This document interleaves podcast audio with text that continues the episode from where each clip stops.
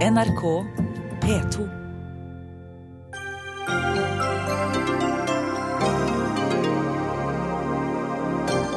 Statoil etterlyser strengere klimapolitikk.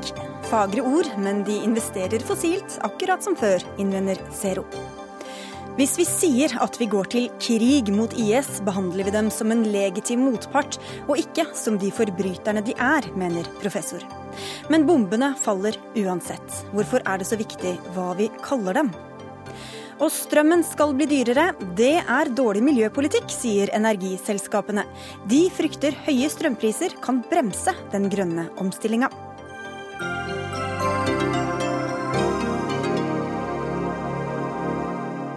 Dette er noen av sakene i den, denne ukas første Dagsnytt 18 på NRK P2 og NRK2. Programleder i dag, Sigrid Solund. Og vi begynner sendinga med det forjettede budsjettet. For flere ganger har Høyre, Fremskrittspartiet, Venstre og Kristelig Folkeparti utsatt fristen for å bli enige om neste års statsbudsjett. Nå er budsjettpartene blitt enige på Stortinget, og de skal etter sigende legge fram resultatet på en pressekonferanse om en time. Reporter Hedvig Bjørgum, du er på Stortinget utenfor Venstres gruppemøte. Hvordan virket stemninga da de gikk inn dit? Ja, altså de, de, har jo holdt på hele helgen og nattestider og i hele dag, og det har vært harde forhandlinger også i dag. Eh, selv om kanskje eh, ordet hardt er litt sånn, kan man diskutere. Men i alle fall, de har, de har virkelig diskutert eh, innretningen på budsjettet helt til det siste. Og jeg var tilfeldigvis til stede inne på kontoret til Venstres forhandlingsleder sånn litt før klokka halv fire. Og da, da kom en av partene inn der og, og fikk på plass ett punkt. Så det dette, dette, er eh, skikkelig politikk, og det, er, det, har vært kniving helt til det siste. Nå begynner jeg å bli sliten, og en sa at uh, jeg er nesten litt svimmel uh, når han gikk forbi meg her i sted.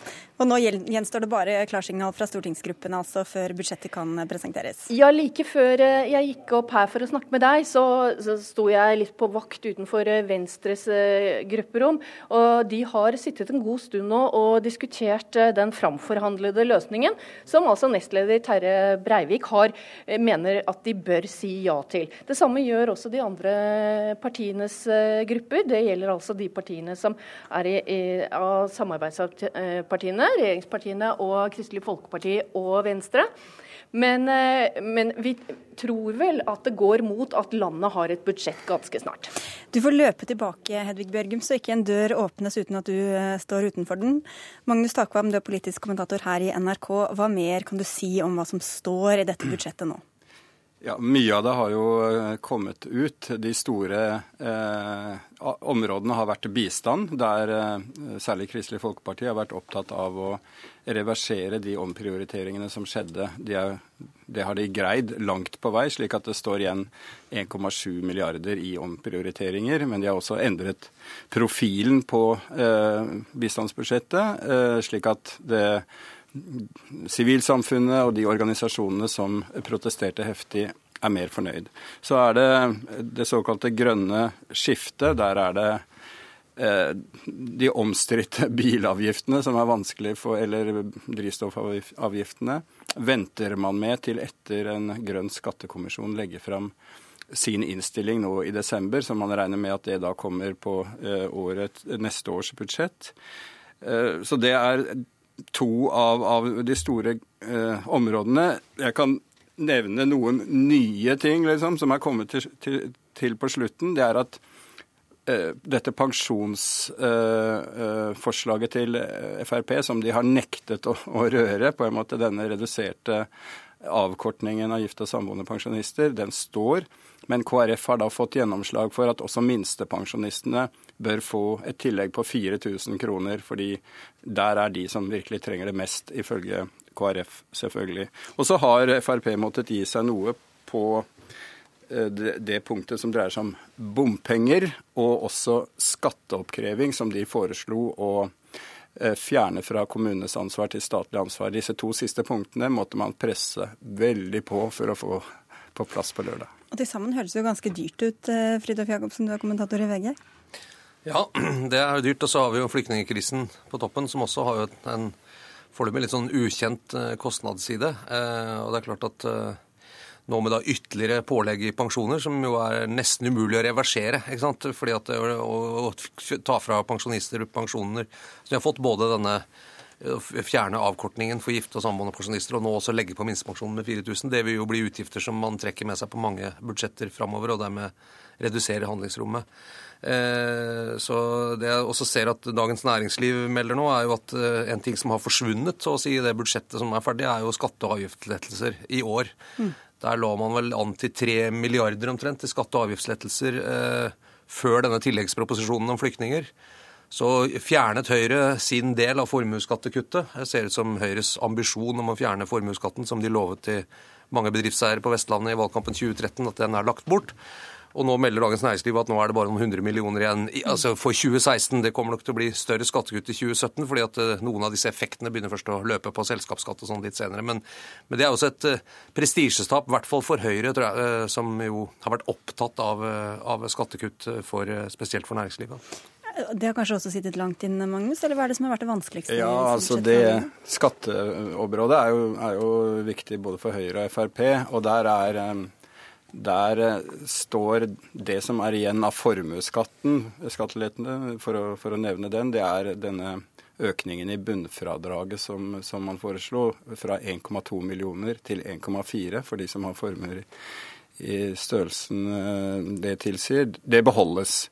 Men siden du får en økt elavgift og andre eh, avgiftsøkninger, så nuller det ut nesten alt det som var av bokført skattelette på 1,3 milliarder i, i, neste års budsjett. Men det viktigste næringslivsskattegrepet, nemlig selskapsskatten, som, den, den, slår jo inn året etterpå, og den beholdes jo med 5 milliarder i skattelette. Det har jo tydeligvis vært vanskelig å komme til enighet, da, Fridtjof Jacobsen. Hva er det som har kjennetegna denne budsjettkampen nå i år? Det er jo to ting som har kjennetegnet, synes jeg. Det ene var at da selve det originale budsjettet ble lagt frem, så var det egentlig veldig lite å begynne å krangle om. Eh, jobben var nok gjort mye grundigere ja, mye ja, enn en, en eh, det første ordentlige budsjettet de la frem. Eh, men det var selvfølgelig en veldig stor svakhet at flyktningesituasjonen ikke var budsjettert inn i det første. Så ble det jo forutsigbart nok eh, dette spillet rundt et budsjett, som det alltid er. Eh, lørdag ble vi jo, og fredag ble vi jo spunnet, alle journalister, tror jeg, på at det nærmet seg sammenbrudd. KrF var ute i Vårt Land og sa at eh, nå spørs det om vi kan være med på det. Og Venstre la ansiktet i alvorlige folder og sa at dette går ikke, osv. Og, så og sånn er det jo i spillet rundt et budsjett. Alt ser håpløst ut inntil det har løst seg. Og at det kom til å løse seg, tror jeg det var liten tvil om. Men jeg tror det som er verdt å verke seg med dette budsjettet. Jeg tror at det, det, kommer veldig i skyggen av helt andre politiske ting. Jeg tror det vi har snakket om nå, Eh, det er såpass små ting. Det, jeg tror De fleste folk kommer ikke til å få det med seg engang. Det er lagt ned enormt mye arbeid, politisk kapital osv. i denne firepartikonstruksjonen. Men sannsynligvis så er dette glemt eh, allerede til jul. Eh, fordi at det er flyktningsituasjonen, nå også tror jeg litt terror og kanskje noen sikkerhetspolitiske ting som dominerer hele den politiske debatten, og ikke dette med litt om grønt skifte i budsjettet eller bitte litt på skatt og avgift. Men Burde de da prioritert hardere da, for å få satt sitt stempel ordentlig på det, eller? Nei, det, Nå får vi se når budsjettet mm. kommer. Det som jeg syns har vært å merke seg her, er jo at eh, det utydeligste partiet politisk tror jeg, i Norge for tiden, både når det gjelder flyktningkrise og dette budsjettet, er Høyre. Eh, det er veldig vanskelig å se hva som er Høyres kjernesaker. Vi snakker mye om Venstres, KrFs og ikke minst Fremskrittspartiets kjernesaker og, og politikk. Vi har en statsminister som eh, jeg fremstår med en viss sånn myndighet og autoritet, men partiet Høyre er det veldig vanskelig å få øye på for tiden. Og det ser ut som det man hører om at de må gi seg på mange saker. Kommunereform antageligvis blir ikke noe av. Eh, formuesskattekuttet, altså deres del av det, nemlig lavere sats, eh, lagt til side. Vanskelig å se hva som er Høyres politikk i denne regjeringen. Ja, Høyre er vel fornøyd med at de blir enige og liksom kan styre videre så tror jeg nok at næringslivsprofilen er beholdt sånn noenlunde når det gjelder dette med selskapsskatten. Eh, men det hele Jeg er enig i at budsjettforhandlingene, dimensjonen på dem, jo, eh, er jo forsvinnende liten sammenlignet med den den eh, konteksten dette står midt oppi. Men det er også et, et element her at det er nok viktig for politikerne å, å passe på at de omprioriteringene de gjør i statsbudsjettet, ikke virker slik for folk flest at de, de, som kanskje har dårligst råd, de de som uh, sliter, må liksom betale for flyktningeutgiftene. Og det tror jeg nok også Erna Solberg og de andre har vært veldig opptatt av. Og Det kan være f.eks. For en forklaring på dette med pensjonene, at det da ikke blir eh, redusert. For nå tar de fra litt forskjellige steder for å finansiere hele den asyltilstrømmingen. Ja, altså, det, med, det, med, den avkortningen i pensjoner er jo nesten altså, mennesker som tradisjonelle høyrepolitikere som, av typen Kåre Willoch og, og, og, liksom orden i statsfinansene. For dem er jo det verste det med å, å, gi eh, svært økte pensjoner, eller ganske stor økning i pensjoner til en gruppe som har ganske god råd, det bare belaster statens finanser ganske mye. Men, men, men, eh, det ble jo påpekt med en gang fra Frp at eh, å ja, vi skrev en leder om det i VG, og Ketil Solvik-Olsen sa at ja, vi vil betale asylregningen med pensjonistenes penger. Er det det man skal gjøre? Så retorikken rundt det ble, ble satt fast ganske fort, og det virker jo som det har overlevd for at den sitter langt inne for Høyre, den pensjonsregningen, som, som eh, rett og slett eh, Ja, det er litt vanskelig å si at det er det det er viktigst å bruke mye penger på i Norge i tiden som kommer. Det, det sier jo også litt om eh, maktforholdene internt i regjeringen, og hvordan dette preger hele den politiske virkeligheten. Det er jo, det er jo nok et eksempel på at den firepartikonstellasjonen vi har, er ganske krevende å, å håndtere. i Altså Statsbudsjettet er det viktigste politiske dokumentet man vedtar i løpet av et år. Så Derfor så får man nødvendigvis eh, ganske intens kamp, fordi det vil bli stående. Det er ikke bare akkurat den uka eller de to ukene det holder på, man har fokus på det. Eh, men å skal vi si, forhandle først Høyre og Frp internt om å bli enige, og så gå tilbake til Venstre og KrF, det, det, er, eh, det, er, krevende. Og det, det, krever litt av alle disse fire partiene for at det ikke skal skjære seg fullstendig. Men fortsatt kan det komme noen overraskelser da om en eh, snau time? Med denne regjeringen så kan det alltid komme overraskelser. og kanskje noen av dem dukker opp som temaer i morgendagens eh, Dagsnytt 18. Vi får se. Og følge med klokka 19 altså når dette skal legges fram. Tusen takk skal dere to ha, Fridtjof Jacobsen fra VG og Magnus Takvam her fra NRK. Dagsnytt 18 alle hverdager klokka 18. På NRK P2 og NRK2.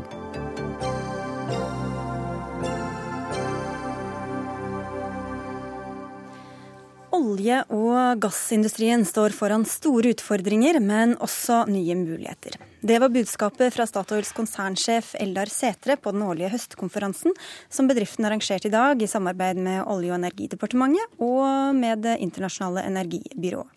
Før klimatoppmøtet i Paris neste uke kom han med et ønske om en mer effektiv global klimapolitikk, men sa samtidig at det er behov for like mye olje og gass i 2040, selv om vi skal klare å begrense oppvarminga til to grader. Dette siste kan vi jo komme tilbake til om litt, men først velkommen til deg, Bjørn Otto Sverdrup. Du er eh, bærekraftsdirektør i Statoil, og ut fra det vi har hørt nå, så høres det ut som din rolle blir stadig viktigere? Ja, håper det. Vi eh, syns jo egentlig at uh, måten verden møter sitt energibehov på i dag, ikke er bærekraftig. Det brukes for mye fossile brensler, og særlig kull. Derfor er vi opptatt av å være i dialog med myndigheter både i Norge og internasjonalt om å sikre at vi får mer fremtidsrettet politikk og mer ansvarlige myndigheter, mer ansvarlige forbrukere og ansvarlige selskap for å sørge for at vi får en dreining i måten verden møter sine energibehov på. Men dere snakker om, Du snakker om ansvar og om klima og miljø, men dere er jo blitt kritisert for å være alt annet enn klima- og miljøvennlig, bl.a. Uh, gjennom oljesandinvesteringer i Canada. Er det noe du er stolt over å ha gjort? Statoils, Statoils oljesandsvirksomhet utgjør 1% av vår virksomhet. Dere håpet at den skulle utgjøre mer? Ja, men i fjor så, eh, eller tidligere i år så kunngjorde vi at vi har egentlig ingen planer nå om å videreutvikle den virksomheten. Eh, vi jobber med å utvikle den øvrige virksomheten vår, og da er det positive at den er den mest CO2-effektive, klimavennlige olje- og gassproduksjonen som finnes i verden. Men det viste seg å være et mindre lønnsomt altså økonomisk prosjekt enn det dere hadde antatt og håpet på. Hadde dere fortsatt og, ikke nedskalert dersom det hadde vært mer lønnsomt økonomisk? Det er riktig. Når Statoil gikk inn i oljesand for en del år tilbake, så så verden litt annerledes ut. Kostnadsnivået var et annet. Vi hadde ikke gjort de tilsvarende store funn både på norsk sokkel og i ukonvensjonelle ressurser i USA, så mulighetsbildet ser annet ut for Statoil. Og så er det også sånn at oljesand fremstår som mindre forretningsmessig lønnsom for oss. Men det er pengene og ikke klimavennligheten som har fått dere til å det er også sånn at Vi priser inn prisen på CO2 inn i alle våre investeringsanalyser. Så det gir jo et bidrag å ta regnestykket i samme retning. Det er jo ikke alle planlagte utbygginger i Norge som kommer til å være like lønnsomme heller, hvis oljeprisen eh, fortsetter på det nivået det er på i dag.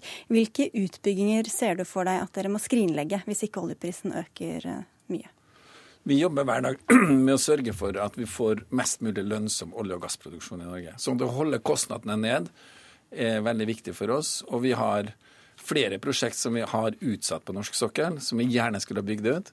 Og så for tiden vise hvilke prosjekt som vi eventuelt må jobbe videre med for å få kostnadene ytterligere ned. Men det er jo også avhengig av oljeprisen, og dere må jo ta investeringer i dag som dere skal holde på med i tiår framover. Hva tror du kommer til å bli for dyrt til å bygge ut? Det syns jeg er for, for, tidlig å si noe om. Det som vi legger til grunn, er en langsiktig oljepris. Vi kikker ikke på oljeprisen bare i dag. Vi ser på, Når vi skal ha prosjekt som kan produsere olje og gass i 20 år fremover, mm. så legger vi en forventa lang pris på det. og Eh, det er egentlig lønnsomheten i hvert enkelt prosjekt vi må jobbe med å få frem. Og de senere år så har vi faktisk vært veldig positivt overraska over hvordan vi sammen med leverandører har bidratt til å få lønnsomhetsnivået opp på mange prosjekter. Ikke noe konkret du vil eh, si nei, som diskrepanse? Nei, jeg vil ikke avvikle noen prosjekt i dag. Marius Holm, du er leder i Miljøstiftelsen Zero. Du er helt sikkert enig i behovet for en strengere klimapolitikk eh, på verdensbasis. Men hvor godt syns du Statoil følger opp ord med faktisk handling? Ja, Statoil eh, investerer jo nå i offshore vind i Skottland, og det er bra. Det kan vi se på som en slags opptaksprøve. Statoil har meldt seg opp til eksamen, altså opptaksprøven for framtidens energimarked. Hvis de lykkes, så er det plass til Statoil i, i framtiden. Hvis de mislykkes eller gjør dette halvhjerta, så vil Statoils andel av global energiforsyning måtte krympe i takt med at eh, fossil energi krymper de neste tiårene. Utfordringen for Statoil når de eh, sier at, de skal, at verden skal bruke like mye olje og gass i 2040 og 50 og sånn fram som i dag, det er jo at eh, karbonbudsjettet vårt er i ferd med å bli brukt opp. Klimaet avgjøres jo av hvor mye CO2 som slippes ut i atmosfæren til sammen over mange år. Og da er det sånn at Vi har bare ca. 800 milliarder tonn igjen, og så slipper vi ut 32 milliarder i året. Og Litt enkel eh, matematikk tilsier da at eh, hele budsjettet vil være brukt opp om 25 år, altså i 2040. Så hvis vi eh, ikke klarer å få raske utslippskutt nå de neste få årene, og Parisavtalen eh, dessverre legger opp til bare en viss utflating utslippene. Ja, så må utslippene kuttes dramatisk raskt etter 2030-40. og Da er det ikke plass til mer olje og gass i verdens energisystem. Så hvis Statoil får den klimapolitikken de ber om, så mener du at det ikke er plass til den, de varene de har å selge i 2040? Eh, ja, Til Statoils forsvar så kan jeg jo si at eh, vi skulle alle ønske oss at man fikk en rask utfasing av kull globalt nå. Og det er klart Jo raskere du blir kvitt kull, jo mer olje og gass blir det plass til i 2040, jo, og jo mer gradvis kan overgangen til fornybar energi skje. Men dessverre så er det mange u-land hvor man eh, på den ene side har rask vekst i fornybar, men fortsatt har vekst i kull. Så tregheten i global klimapolitikk, som vi alle kan eh, være lei oss for, den gjør at eh, budsjettet blir brukt opp fortere enn vi skulle ønske oss. Og overgang til fornybar energi og elektriske biler osv. den må skje fryktelig fort og brutalt, nærmest eksplosivt, i perioden fra 20, ja, 2035, 2040 og, og deretter. Så ønsker du at det skal være behov for eh, olje og gass i 2040, eller at etterspørselen skal være der? dersom, dersom scenarioet utvikler seg sånn som Marius Holm sier?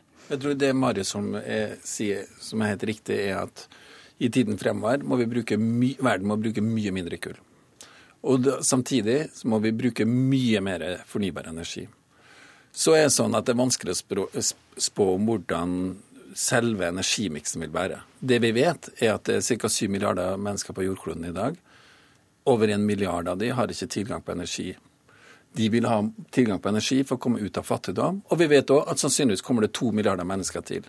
Hvordan skal disse menneskene møte sitt helt grunnleggende behov for lys, varme, for å kunne komme seg ut av fattigdom?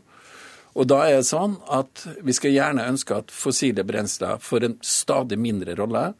Men realiteten er at de aller fleste fremskrivere sier at det vil fortsatt være en betydelig rolle for først og fremst naturgass, og òg en del gass. Det er olje. Men du sier at du ønsker det, men ønsker Statoil at det skal være mindre etterspørsel etter olje og gass?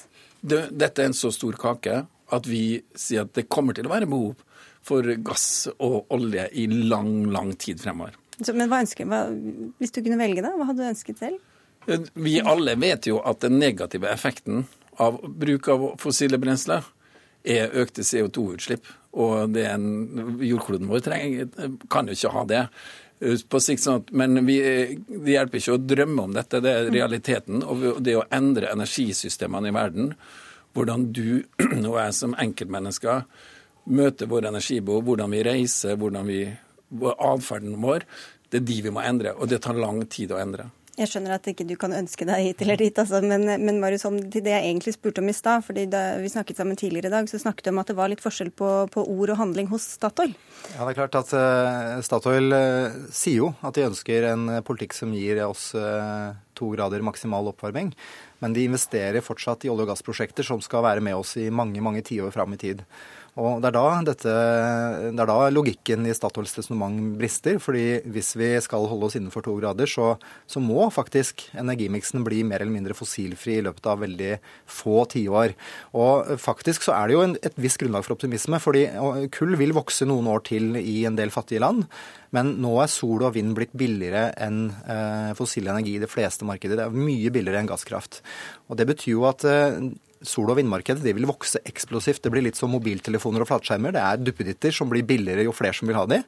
Og det som er eh, litt skummelt for oss i Norge, er at vi baserer oss på scenarioer fra Det internasjonale energibyrået, hvor man eh, faktisk eh, har prognoser som sier at det skal være null vekst i markedet for nye solceller og vindturbiner de neste 30 årene.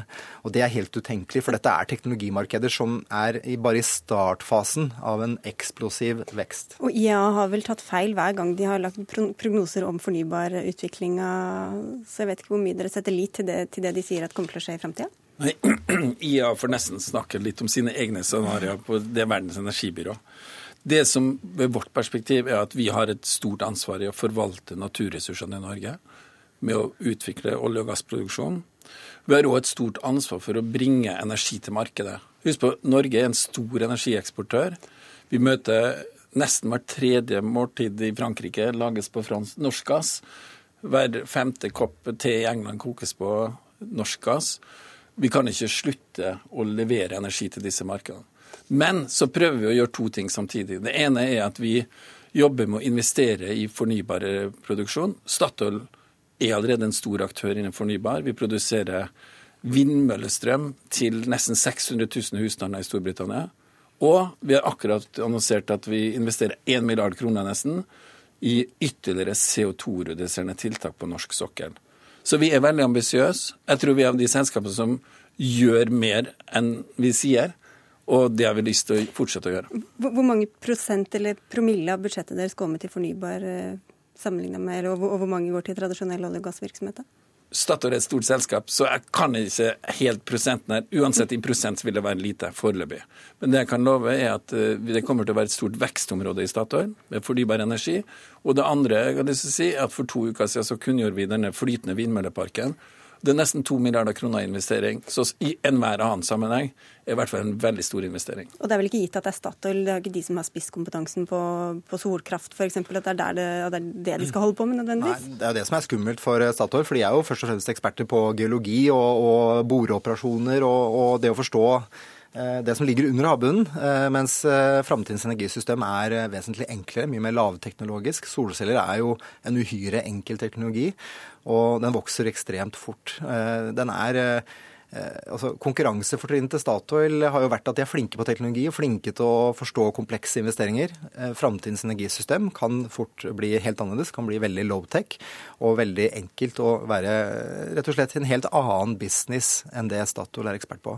Offshore vind er det kanskje det som ligger nærmest, og det er fornuftig at Statoil har investert der, fordi der, det ligner en del på olje og gass. Det er kompliserte maritime operasjoner. Et klapp på skulderen der fra Marius Holm. Takk skal dere ha, begge to. Bjørn Otto Sverdrup fra Statoil og Marius Holm fra Zero. Og vi skal snakke mer om strøm.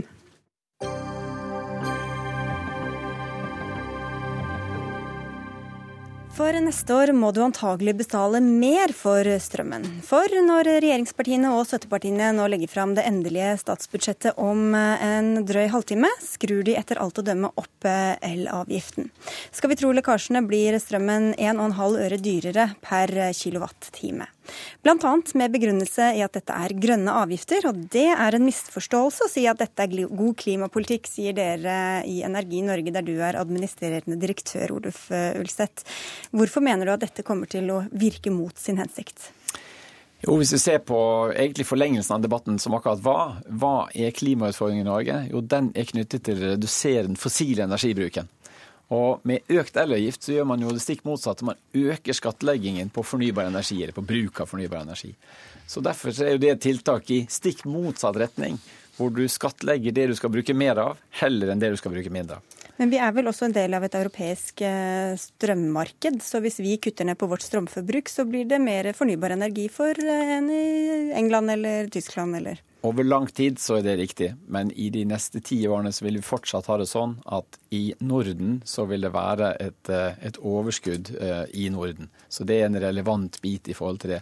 Men selv om du tar med hele Europa, så er det sånn at med strøm så har vi en plan for å ta ut utslippene. Men det som reduserer utslipp i Norge, det er reduksjon av de fossile brenslene. Og Derfor så blir det feil å øke skattleggingen av fornybar energi og redusere, eller hva skal vi si, å, uh, uh, ha det som et tiltak. Det mener vi er å uh, egentlig seile under falsk flagg. Det er ikke et miljøtiltak. Ser vi også på effekten dette har for en familie, altså 40% i dag er avgifter. Og det, denne økningen som vi forventer kommer i kveld, den er på toppen av en økning som kom i mai, og så en som kom i fjor. Og så er vi bare siden 2014 så betyr det for en vanlig familie at det er kanskje 900 kroner i økte avgifter på strøm bare i den perioden. Tore Sustveit, du er leder i Ola, nei, du er leder i Unge Venstre. Eh, jeg vet ikke om du kan bekrefte disse tallene vi driver og opererer med her, men eh. Jeg regner i hvert fall med at det kommer en økning av elavgiften eh, i kveld, at det blir enighet om det. Og Hvorfor er det da god miljøpolitikk når vi har så ren strøm som vi har? Nå har jeg forsvart en del av de grønne avgiftene som kommer i det budsjettet her i løpet av dagen, siden alle andre sitter og forhandler. Og en ting jeg merka meg, det er at alle vil løse klimakrisen, men ingen vil betale. Eh, og grunnen til at jeg mener vi trenger en elavgift, og for så vidt veldig mange andre grønne avgifter, det er at vi, vi må omstille oss bort fra fossil energi. Så må vi over på noe annet. Hvordan kan det poenget, det? Ja, og, og, her kommer poenget mitt. Og det er at vi de neste åra kommer til å få et ganske stort eloverskudd i Norge. Og da er spørsmålet, Skal vi da la det eloverskuddet gå til sløseri og til konsum i private hjem? Eller skal vi sørge for at det eloverskuddet blir brukt til å bytte ut fossil energi på kontinentet og gå til grønn norsk prosessindustri, som gjør at vi kan eksportere varer basert på grønn norsk energi, istedenfor at det da går til eh, blir produsert med, med kull, kullkraft i Europa. Men dette henger jo ikke sammen. fordi det du sier er at det er bra å bruke mer strøm. At det vil være bra for klimaet. Da er det veldig vanskelig å si det at vi skal bruke mer gjennom å øke avgiftene på det vi skal bruke mer av, i stedet for å gjøre noe med fossile brensler. Det henger jo ikke på Hvorfor sier han at de skal bruke mer? Det skjønte jeg ikke helt eh, hva du mente. Altså Han sier vi skal bruke mer strøm, og at det ville vært positivt for klimaet. Ikke sant? Eh, det er jo argumentet at det er bra for klimaet å kunne bruke mer strøm. Eh, derfor, så... Det er ingen på radioen som hører deg når du rister på hodet. Ja, altså, argumentet mitt er vi skal erstatte fossil energi i resten av verden med ren norsk strøm. Men hvis vi da som følge av lav strømpris i Norge nå ender opp med å bruke opp all den strømmen på eh, konsum i norske hjem, så blir det ikke noe økt eh, så blir det ikke noe reduserte, reduserte klimagassutslipp. Men har vi de eksportmulighetene i dag, da? Nei, Det jobber jo vi med å bygge ut nå. Jeg skulle ønske Energi i Norge kanskje heller kunne komme med et krav om at vi skal bygge ut enda mer. Og så er det viktig å huske på at de, eh, så vidt jeg har forstått, så kommer de, den økningen i elavgiften her kun til å gå på i bygninger og konsum i private hjem, ikke i resten. Ja, og så til det første poenget ditt, eh, med at det her koster mye for familier. og sånt. Jeg har stor forståelse for det. Men så må du huske på at vi har også kutta skatten for, på inntekt, og vi har kutta en rekke andre skatter. Og det er en del av et skatteskifte og vi skal skatte mindre på arbeid og mer på ting som forurenser. Men hva, det er jo det som er hele poenget her. Det som forurenser i Norge når det gjelder utslipp, det som faktisk utgjør klimautslippene i Norge, er knyttet til bruk av fossil energi. Dette forslaget er å øke skatten på fornybar energi og ikke gjøre det på fossil energi. Men hvis du det ser på Elavgiften i Sverige er nesten dobbelt så høy som i Norge, og de bruker omtrent halvparten så mye strøm. Du kan også se solcellepanel på langt flere tak eksempel, enn det vi kan se her. Hvorfor trenger nordmenn så mye mer strøm enn de gjør i Sverige, da? Eh, det er fordi energiblandingen, om du vil, sammensetningen i Norge er helt annerledes. Vi bruker mye mer strøm til oppvarming. I Sverige har et helt annet energisystem, selv om det er vårt nærmeste naboland. Sånn at eh, De har vel sammen... ovner eh, i husene i Sverige også? ikke så mye panelovner som vi har i Norge. Sånn at den typiske norske husholdning bruker mer enn dobbelt så mye som du sa, enn i Sverige. Og det er Ikke fordi de har en høyere elavgift, men det er fordi at de har et helt annet utbygget varmesystem enn det vi har i Norge. Men tror du ikke at vi sløser litt med strømmen i Norge? At det aller billigste, enkleste strømmetiltaket er jo rett og slett å slutte å sløse? Strømmen er altfor fint å sløse med. Selvfølgelig skal vi ikke gjøre det, og det er ikke det vi foreslår. Men vi må huske på hvor vi står hen i dag. 40% av strømregningen for en husholdning er i dag avgifter. Dette forslaget vil øke det ytterligere. Eh, og, hvis, og, i forhold til poenget om at dette skal fremme et, en eh, energibruk for fremtiden, ja da trenger vi å bruke mer fossil energi. Og det er ikke bare i resten av Europa at vi skal bruke mindre fossil, ja, det er også i Norge. For å gjøre noe med norske klimautslipp, så trenger vi å gjøre noe med transportsektoren. Trenger, og Det er jo ikke norske bygg som slipper ut eh, klimagassutslipp i dag. Eh, det er typisk transport, det er petroleumsavkastning, det er del av industrien. Det er andre områder vi trenger å gjøre de tiltakene på, å ha energieffektiviseringstiltak. Så dette er en feil innretning i forhold til energieffektivisering, og det er ikke et grønt skifte å øke eh, skatten på fornybar energi. Men dette handler om at norsk strøm også har en alternativkostnad. Og hvis du ser på Enova, har mye mange fradrag og støtteordninger for bruk av for for energireduserende tiltak i eget hjem blir i veldig liten grad brukt. Og Hovedgrunnen for det, det er at strøm i Norge i dag er for billig. Og Da trenger man en, en omstilling her, sånn at man tar i bruk de tiltakene som finnes. For det mest miljøvennlige som finnes, er å bruke mindre strøm. Og så er det en kostnad som jeg syns Energi i Norge helt overser her. Og det er den kostnaden knyttet til klassisk naturvern. At all, all strømforbruk har en kostnad på miljøfronten. Og klassisk naturvern er også noe vi må ha med, for når vi bygger ut mer energi i Norge, så har det også en kostnad i tapte naturverdier. Så Derfor er det et poeng at vi ikke skal bruke den, den, de, det neste året av det kraftoverskuddet som kommer i Norge nå, på å øke forbruket vårt, men vi skal bruke det på omstilling. Og da trenger vi en økt elavgift nå som gjør at vi sikrer at det blir brukt riktig. Nei, Dette bedre med er et steg i feil retning, og det er ikke tvil om at uh, Syns du en foss i rør er like vakker som en uh, foss i frislipp? Vi har masse vannkraft i Norge. Fantastisk utgangspunkt. Vi kan bygge ut enda mer, men akkurat nå, som det var sagt, så har vi eh, perspektivet på et kraftoverskudd i årene fremover. Da må vi selvfølgelig utvikle mellomlandsforbindelser, eh, som du nevnte. Det er vi helt enige om. Eh, men i forhold til når man setter sammen skatter og avgifter, dette er vel tredje forliket hvor det nå kommer ut med at det skal øke elavgiften som en del av dette. Det kommer med andre ord stadig forslag hvor det man greier å bli enige om, ja, det er å øke strømmen. Det er å øke strømprisen eh, gjennom, eh, gjennom avgiftene. Eh, det er ikke et bidrag til å redusere de fossile eh, energibrukene i Norge. Blir, men, og det er det vi kritiserer. Men hvordan går det fossilbruket ned ved at man bruker mindre energi, da? Nei, Det er det som er poenget mitt. At, at, fossil energibruk i Norge går ikke ned ved å spare strøm. Nei, men så Går den ned ved at vi ikke sparer strøm, da? Eh, hvis man innretter eh, skatte- og avgiftssystemet, og Venstre snakker om at de ønsker et grønt skatteskifte, da må det jo være å skattlegge det man ønsker at man skal bruke mindre av. Da er vi opptatt av at det skatteskiftet må jo da legge til rette for at du faktisk reduserer den fossile energibruken i Norge, og ikke øker beskatningen av fornybar energi. Jeg bare skjønte ikke hvordan de to tingene nødvendigvis hang sammen. Uh, I energibruk så er det klart at uh, skattesatsene både på, altså på ulike energibærere og på ulike energibruk spiller en rolle.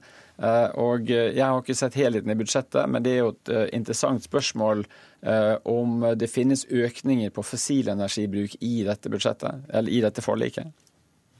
Ja, Det må vi nesten se når forliket ja, blir, blir offentliggjort. Men, eh, men for, hvorfor skal folk bytte ut oljefyren sin eh, hvis eh, strømmen blir dyrere? Nei, det her handler om at vi må ha flere tiltak for å løse klimakrisen. Og noe vi har gjort, er at man har fått en rekke fradrag i Enova for å gjøre strømsparing i eget hjem.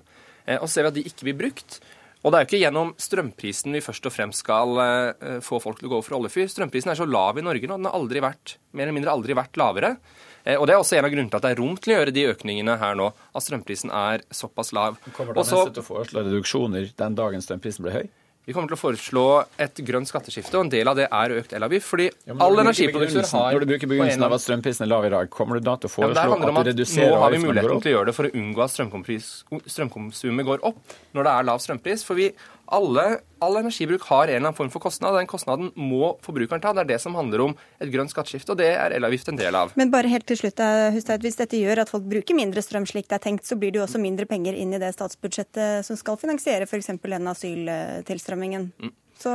Nei, og Det er jo paradokset ved grønne skatter. da, at Når du har løst en utfordring, så må du finne noe annet. Men eh, hvis vi først klarer å løse klimakrisen så vi ikke lenger får inn eh, penger fra grønne skatter, så er jeg klar til å løse den utfordringa med å finansiere eh, med den finansutfordringa vi får av det. Og fasiten får vi altså om en snau halvtime. Takk skal dere ha begge to for at dere kom. Ole Fulseth fra Energi Norge og Tord Hustveit fra Unge Venstre. Dagsnytt 18 på NRK P2 og NRK2. Storbritannias statsminister David Cameron vil be parlamentet om tillatelse til å bombe IS i Syria. Fra før har britene vært med å bombe terrorgruppa i Irak, men Cameron har lovet å stå side om side med Frankrikes Francois Hollande i kampen mot IS, også i Syria. London-korrespondent Espen Aas, hva må til for at Cameron skal få med seg parlamentet på dette? Det er å forsikre dem om at ikke dette skal bli enda et nytt Irak. En krig hvor de blir sittende fast med tropper på bakken og store, store tap både hos sivilbefolkning og hos eh, egne. Er det én krig som uh, satte støkk i parlamentarikerne her, så var det nettopp da statsminister Tony Blair trumfet gjennom eh, angrep sammen med daværende president George Bush.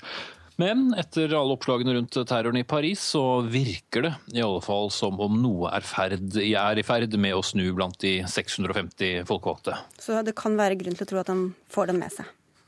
Ja, altså det spørs. Her må man telle og man må fintelle. Cameron har sagt at det er ikke aktuelt engang å be om en avstemning før han er helt sikker på at han får eh, flertall. Han leder jo nederlag i en tilsvarende avstemning for to eh, år siden.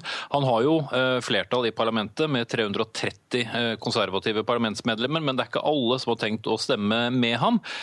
Eh, og på andre siden av gulvet, hos opposisjonen, så har vi jo nå en eh, leder, Jeremy Corbyn, som er en ihuga krigsmotstander og iallfall ikke har tenkt å stemme for eh, noe luftangrep i Syria. Men det er det mange i partiet hans som har tenkt å gjøre. og Derfor så er det store spørsmålet kommer han til å svinge partipisken og tvinge alle til å stemme med meg, med seg, eller ikke. Men det ligger vel an til at han ikke tør det, fordi han har nok av folk som er uenige med han som det er. og Derfor så blir det trolig en fri stemme på dette når det blir avstemning, kanskje allerede til neste uke. Cameron skal legge frem sine planer for luftangrep mot eh, Syria på torsdag, og så får vi se. Men eh, det er mye eh, som står på spill her, og spørsmålet er vil Cameron si at det holder med luftangrep, eller vil han også måtte si at her må vi nok kanskje også ha tropper på bakken for å vinne denne krigen? USA-korrespondent Gro Holm, hva betyr det for USA hvis de får med seg Storbritannia på bombe IS i Syria? Det er nok på ingen måte avgjørende når det gjelder å slå IS, eh, så betydningen er mer symbolsk og moralsk. Eh, de fleste kommentatorer her er enige om at seieren over IS ikke kan sikres fra lufta. Og I praksis er det jo slik nå at Russland er en viktigere faktor eh, som, fly, som flymakt for øyeblikket enn de fleste Nato-allierte når det gjelder å knuse IS. Mm. Eh, dere må ikke legge på riktig ennå, eh, men Kristian eh, Berg Harpviken, du er direktør eh, ved Institutt for fredsforskning, PRIO. Hva kan det bety for denne kampen mot IS hvis Storbritannia tar skrittet ut også her? Nei da, det er klart at det er, en, det er, en, spiller til som går inn i alliansen. Og i et legitimitetsperspektiv så er det kjempeviktig. Men det endrer egentlig ikke situasjonen. Først og fremst så tror jeg vi må lese eh, det som skjer i Storbritannia nå som et håndslag til Frankrike. Og det litt pussige nå i etterkant av eh, terroraksjonene i eh, Paris, det er jo at mens diskusjonen i Storbritannia går på å engasjere seg mer militært, så ser vi en president i Washington som stadig holder tilbake og vegrer seg for å ta det neste skrittet som ville være en opptrapping, og også markerer klare grenser mot å mot et tettere militært samarbeid med Russland, som, mm. som, Holm helt riktig sier her, i øyeblikket kanskje er den aller viktigste aktøren i krigføringen mot IS. Hva slags allianser ser vi nå at det danner seg i denne kampen? Nei, Nå er det veldig mye som er på spill eh, samtidig. og Hadde du spurt meg for tre-fire dager siden, så ville jeg si at eh, vi går mot en eh, Eh, mangefasettert vestlig allianse, en koalisjon av de villige, eller kanskje til og med en Nato-ledd allianse med de fleste vestlige aktører involvert, sånn vi har sett det tidligere både i Afghanistan og, og i eh, Europa. Men eh, fra dagens utkikkspunkt så ser det faktisk ikke sånn ut. Vi ser debatten går i mange retninger samtidig. Det som kanskje er litt betenkningsfullt i denne situasjonen, er at nettopp som vi hører av oss fra London, så er det egentlig frykten for eh, egne soldater og dermed egne politiske kostnader, altså kostnadene på hjemmebane, som er drivende for skepsisen, snarere enn eh, det jeg mener er et betydelig problem, nemlig at militærmakten alene neppe vil gjøre noe særlig for å løse dette problemet, og kanskje til og med ha potensial for å gjøre vondt verre i Syria. Du nevnte Irak, Espen Aas. Når det gjelder nå, altså IS, så har jo Storbritannia i likhet med Norge også skilt mellom Syria og Irak. Hvordan har den debatten vært der?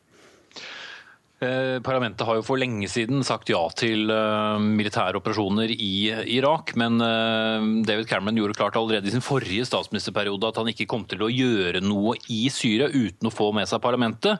Så var jo hovedfienden lenge, som vi husker, Assad, og det var jo da han hasteinnkalte parlamentet før høstsesongen begynte i 2013 og sa nå må vi stemme over dette og tapte.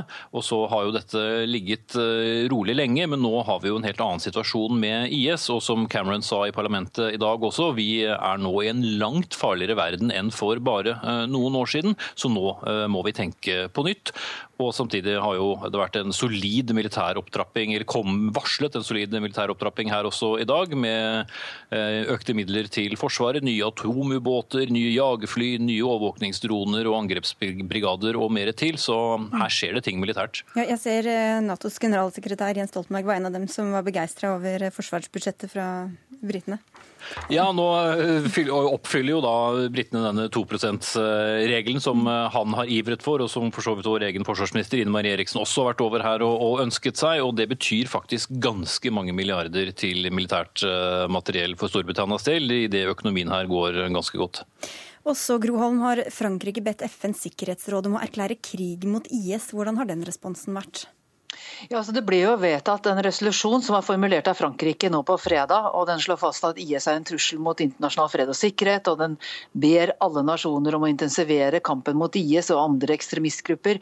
Og den tar til orde for å bekjempe IS med alle midler. Men det er ikke en såkalt kapittel, kapittel 7-resolusjon som autoriserer bruk av militær makt. Det er mer en slags moralsk ryggdekning for å bruke alle midler. Så eh, Det er så langt Frankrike har kommet til Sikkerhetsrådet til nå. og Det er jo da en resolusjon som ble vedtatt uh, enstemmig. Men det finnes flere resolusjoner uh, eller forslag på bordet. Uh, Russland har også en resolusjon som ligger der, men den tar til orde for samarbeid med truede stater, altså også med Assad-regimet. og Det gjør jo at andre land ikke, eller noen land ikke vil støtte den. Så det er ikke så mye Sikkerhetsrådet kan gjøre nå, bortsett fra å si og definere IS som en terroristgruppe som skal, eh, kan bekjempes, og som man på en måte da har en moralsk ryggdekning for å bekjempe. Akkurat denne ordbruken og krigsretorikken skal vi snart diskutere faktisk her i Dagsnytt 18. Men Berg Harpviken, du nevnte at eh, det, militæret kan jo ikke alene løse dette. Hvilke hva, hva, skjer på diplomatisk nivå nå framover, tror du? Det skjer jo ting på to forskjellige nivåer. Det ene er jo alt det arbeidet som foregår i Syria for å fremforhandle lokale våpenhviler. Eh, det er et arbeid som i stor grad har gått under eh, radaren for internasjonale medier, men som har vært ganske viktig å sikre en grad av stabilitet i en del lokale områder. Eh, men så har vi jo det store internasjonale diplomatiske spillet, hvor det var en konferanse i Wien helt nylig på den konferansen så ble stormaktene enige seg imellom om å jobbe for en løsning. Det er i seg selv at Russland og USA er villige til å si det høyt, er absolutt et fremskritt. Samtidig så var det ingen syriske representanter til stede på det møtet, så det er veldig mange ting her som er åpent. Men det ligger i bånn her en grad av eh, aksept på fra alle parter at eh, man må jobbe med Assad i en eh, overgangsperiode. Og det er jo en realisme som selvfølgelig er framtvunget av IS framgang og IS militære anslag i Syria og Irak og terroranslag i Vesten, men det er veldig langt eh, fra den eh, innrømmelsen til en reell avtale som eh, bringer Syria fremover mot en stabil politisk løsning. Gro Holm, i USA, hva med amerikanere? Føler de at dette er, er deres krig? Ja, Det er veldig mye oppmerksomhet rundt dette her nå. Og, og det er klart, eh, som, som Harpviken var inne på tidligere, så er Obama veldig tilbakeholdende når det gjelder å forplikte seg til større militært engasjement, særlig på bakken. Og eh, John Kerry, utenriksministeren, han jobber jo intenst nå for å få til dette politiske sporet. Og Der er det jo flere utfordringer på kort sikt, fram til nyttår, som ifølge det veikartet man har blitt enige om, så er det å bli enige om hvem som skal representere opposisjonen, og hvem som skal utelukkes. For bidrar godt i tillegg til IS og al-Nusra. Og der er jo problemet at Saudi-Arabia og Tyrkia de støtter en del opposisjonsgrupper som andre mener at det er terrorister. Mm. Og På lengre sikt så er det selvfølgelig å få til en overgangsregjering, ny grunnlov og valg og alt dette her. Og Der er jo det store spørsmålet om eh, Assad eller Assad-folk skal være en del av løsningen, slik som Russland og Iran ønsker. USA har jo sagt at de mener det vil være veldig dumt, men Kerry har jo også sagt at det er opp til syrerne å bestemme. Eh, men altså, problemet er jo at det er ingen koalisjon på plass i Syria. Og det er heller ikke noe tegn til at de kan klare å få på plass en koalisjon som kan bære en politisk løsning uten at det samtidig er representanter for det sittende regimet med i den løsningen. Helt på tampen her, Berg Harpviken, Hvordan ser du på håndteringa av eh, kampen mot IS sammenligna med kampen mot terror etter 11.9?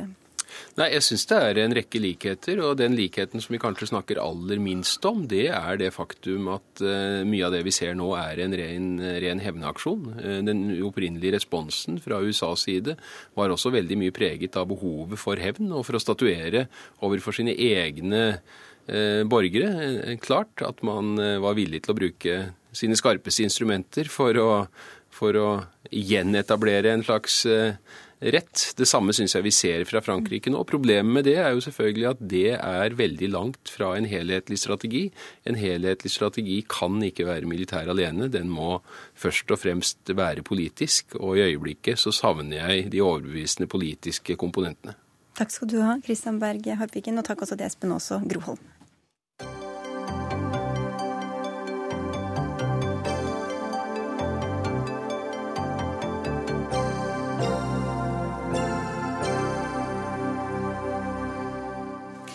Er Vesten i krig mot IS, eller er dette et ord vi ikke bør bruke i denne sammenhengen?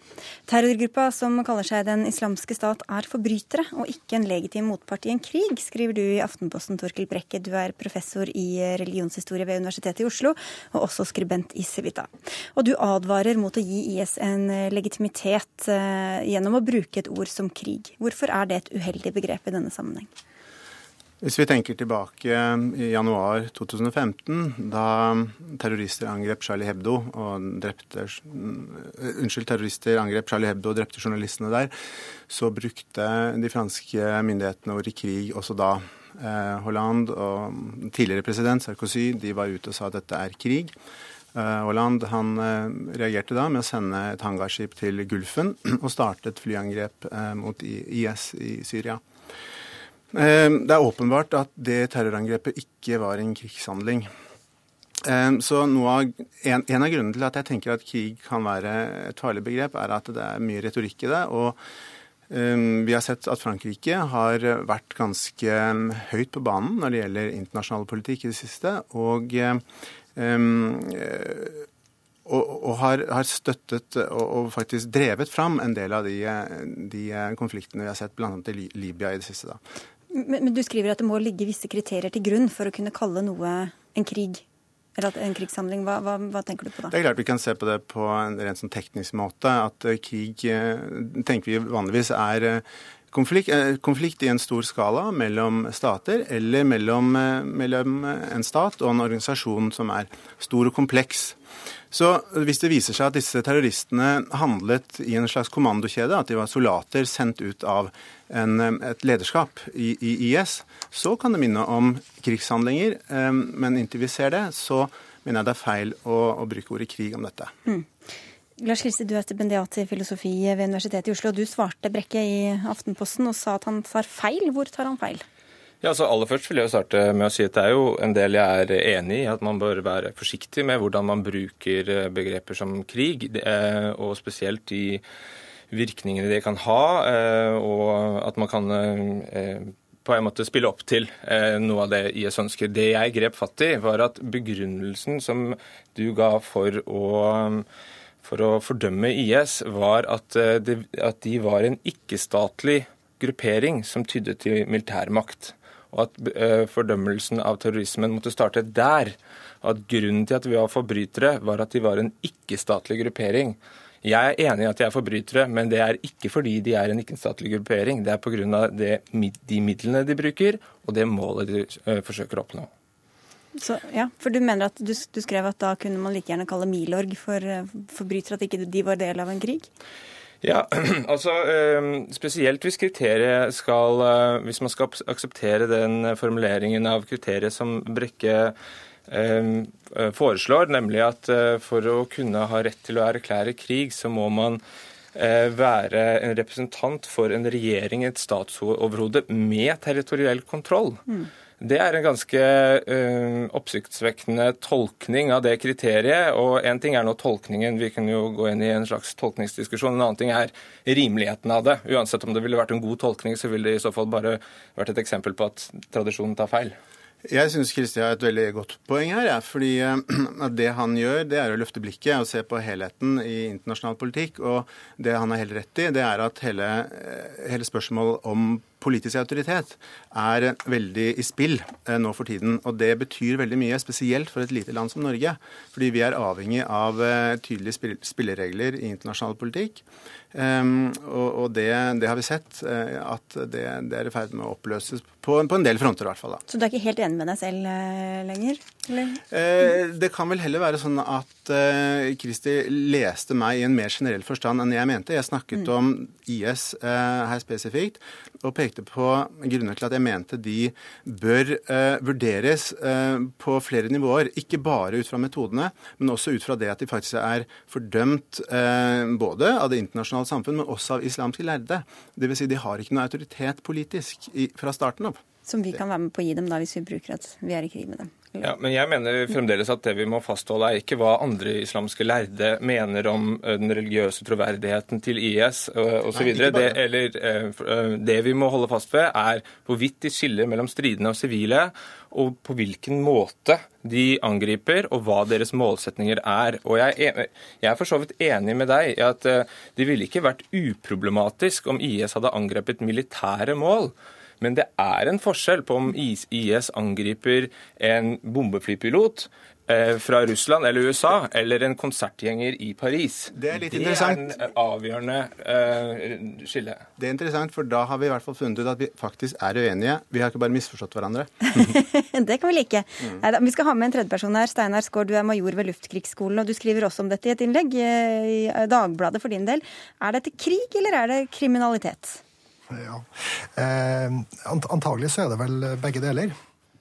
Eh, det kan ikke være noe tvil om at det er kriminalitet. Eh, altså Det er en kriminell handling, og det finnes ingen åpning, verken folkerettslig for øvrig, for at de som har utført det her, kan kreve f.eks. å være kombatanter, altså stridende i en krig. Så, så, jeg tror vi skal for det første være helt enige om at det her er eh, en kriminell handling. Det er altså enten en alminnelig kriminell handling, eller også muligens en krigsforbrytelse innenfor rammen av eh, en væpna konflikt. Eh, spørsmålet som jeg syns er interessant, er hvorvidt eh, en aktør som f.eks. IS, eller en ikke-statlig aktør, kan gjennomføre en aksjon, et angrep, i et skala, et omfang, som gjør at den de angriper, kan svare med militære midler, altså ikke bare bruke rettsstatens hjelpemidler. Og jeg mener vel at det Angrepet i Paris antagelig var så omfattende, sammenholdt med også de andre angrepene som IS har gjort, at, eh, at det er rettferdiggjort. Ja, si litt mer om det. Altså, Hvilke virkemidler og lover og regler utløser man hvis man faktisk kaller noe en krig? Og hva mister man eventuelt av eh, handlingsrom? Ja, for det første så, Folkerettslig så snakker man ikke om krig, da man snakker om, om en væpna konflikt. Og du har forskjellige former for væpna konflikt. Eh, og eh, Den folkerettslige kvalifikasjonen er at Eh, den går ut over det som er eh, kraftige uroligheter.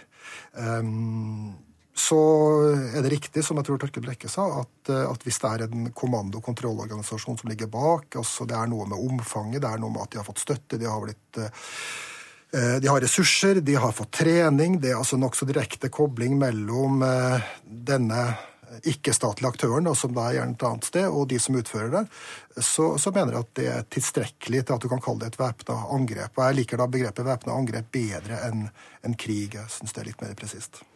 Hva mener du Brekke skal til for at vi skal kunne eh, anerkjenne IS for å si det sånn, som en krigspart, eller en part i en væpna konflikt? Jeg vet ikke om det er det interessante spørsmålet. Men altså, det som er viktig, er jo at en krig, hvis man bruker krigsmidler, så må man ha en ordentlig plan. Man må ha noen politiske mål som man faktisk kan oppnå ved de midlene man bruker. Man bør ikke bruke krig bare for å, for å vise en befolkning at man, at man, tar i bruk alle de midlene man, man, har. En krig må avsluttes på en ordentlig måte. Man må ha klare mål, og den freden man oppnår, den må være verdt så mye at man tåler eh, det, det som krigen faktisk fører med seg. Men krig brukes jo i hva skal vi si, veldig mange sammenhenger, eh, enten det gjelder slanking eller eh, kommunereform eller hva det skal være. Liksom, den retorikken som vi ser nå, krigsbruken, betyr det nødvendigvis at, at statslederne snakker om en krig i en tradisjonell form, Kristi?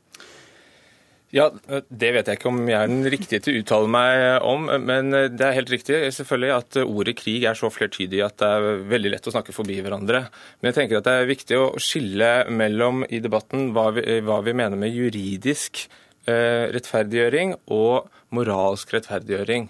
At det kan eh, hva som teller for at eh, kriteriene for at man skal kunne erklære krig eller eh, gå til militære angrep, Eh, i henhold til folkeretten, det er ett spørsmål. Et annet spørsmål er om det er moralsk forsvarlig å gjøre det. Det er godt mulig, Man kan tenke seg at det er innenfor folkeretten å gjøre det, men man likevel ikke bør gjøre det.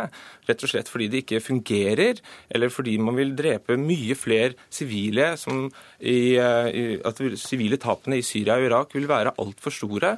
Eller at det vil eh, utsette Eh, sivile i Europa for ny terrortrussel. Det er, helt, det er, en helt annen analyse. og Når vi skal foreta den moralske analysen, da må vi ikke fokusere på det ene faktum at IS ikke er en statlig aktør. Det er ikke det vi fokuserer på da. Da fokuserer vi på oppnår det eh, hensikten. Hva slags midler er det IS eh, benytter seg av, og hva er målet? IS kjemper for, og er dette aller siste utvei? Var det ingen andre måter vi kunne unngå dette på? Eh, Steinar Skaar, hva er de praktiske uh, betydningene av hvilke ord vi, vi bruker, eller vi, hva, hva, vi definerer som hva? Ja, det, det, kan vel ha flere betydninger.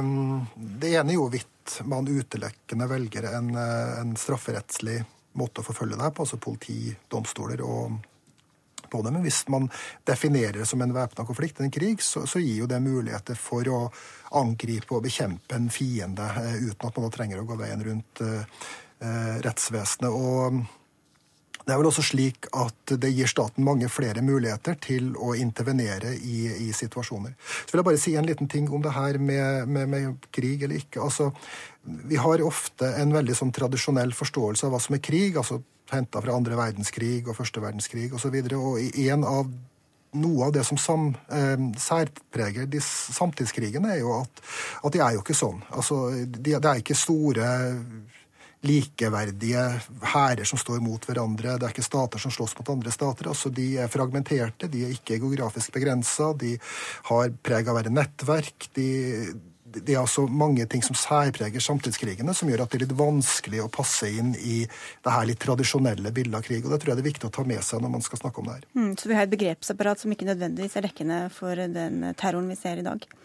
Ja, jeg tror i hvert fall at eh, det er viktig å jobbe litt med begrepsapparatet. fordi det er veldig lett å se for seg krig som eksempelvis slaget om Stalingrad, men, men altså samtidskrigene er ikke sånn. Og det har jo også de russiske operasjonene i Krim og Ukraina vist det fulle, bl.a. Altså, det er ikke den typen krig vi står overfor. Men det kan likevel være en væpna konflikt, og kanskje også en, en krig.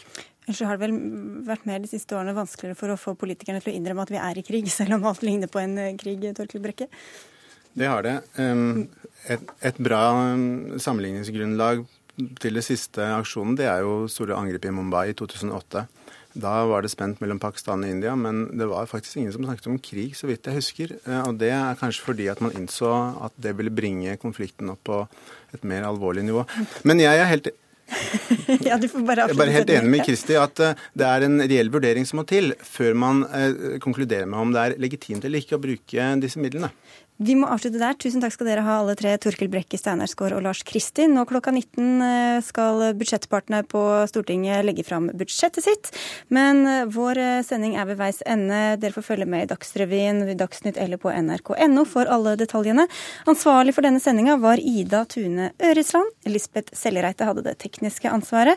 I studio Sigrid Solund, og vi høres igjen i morgen.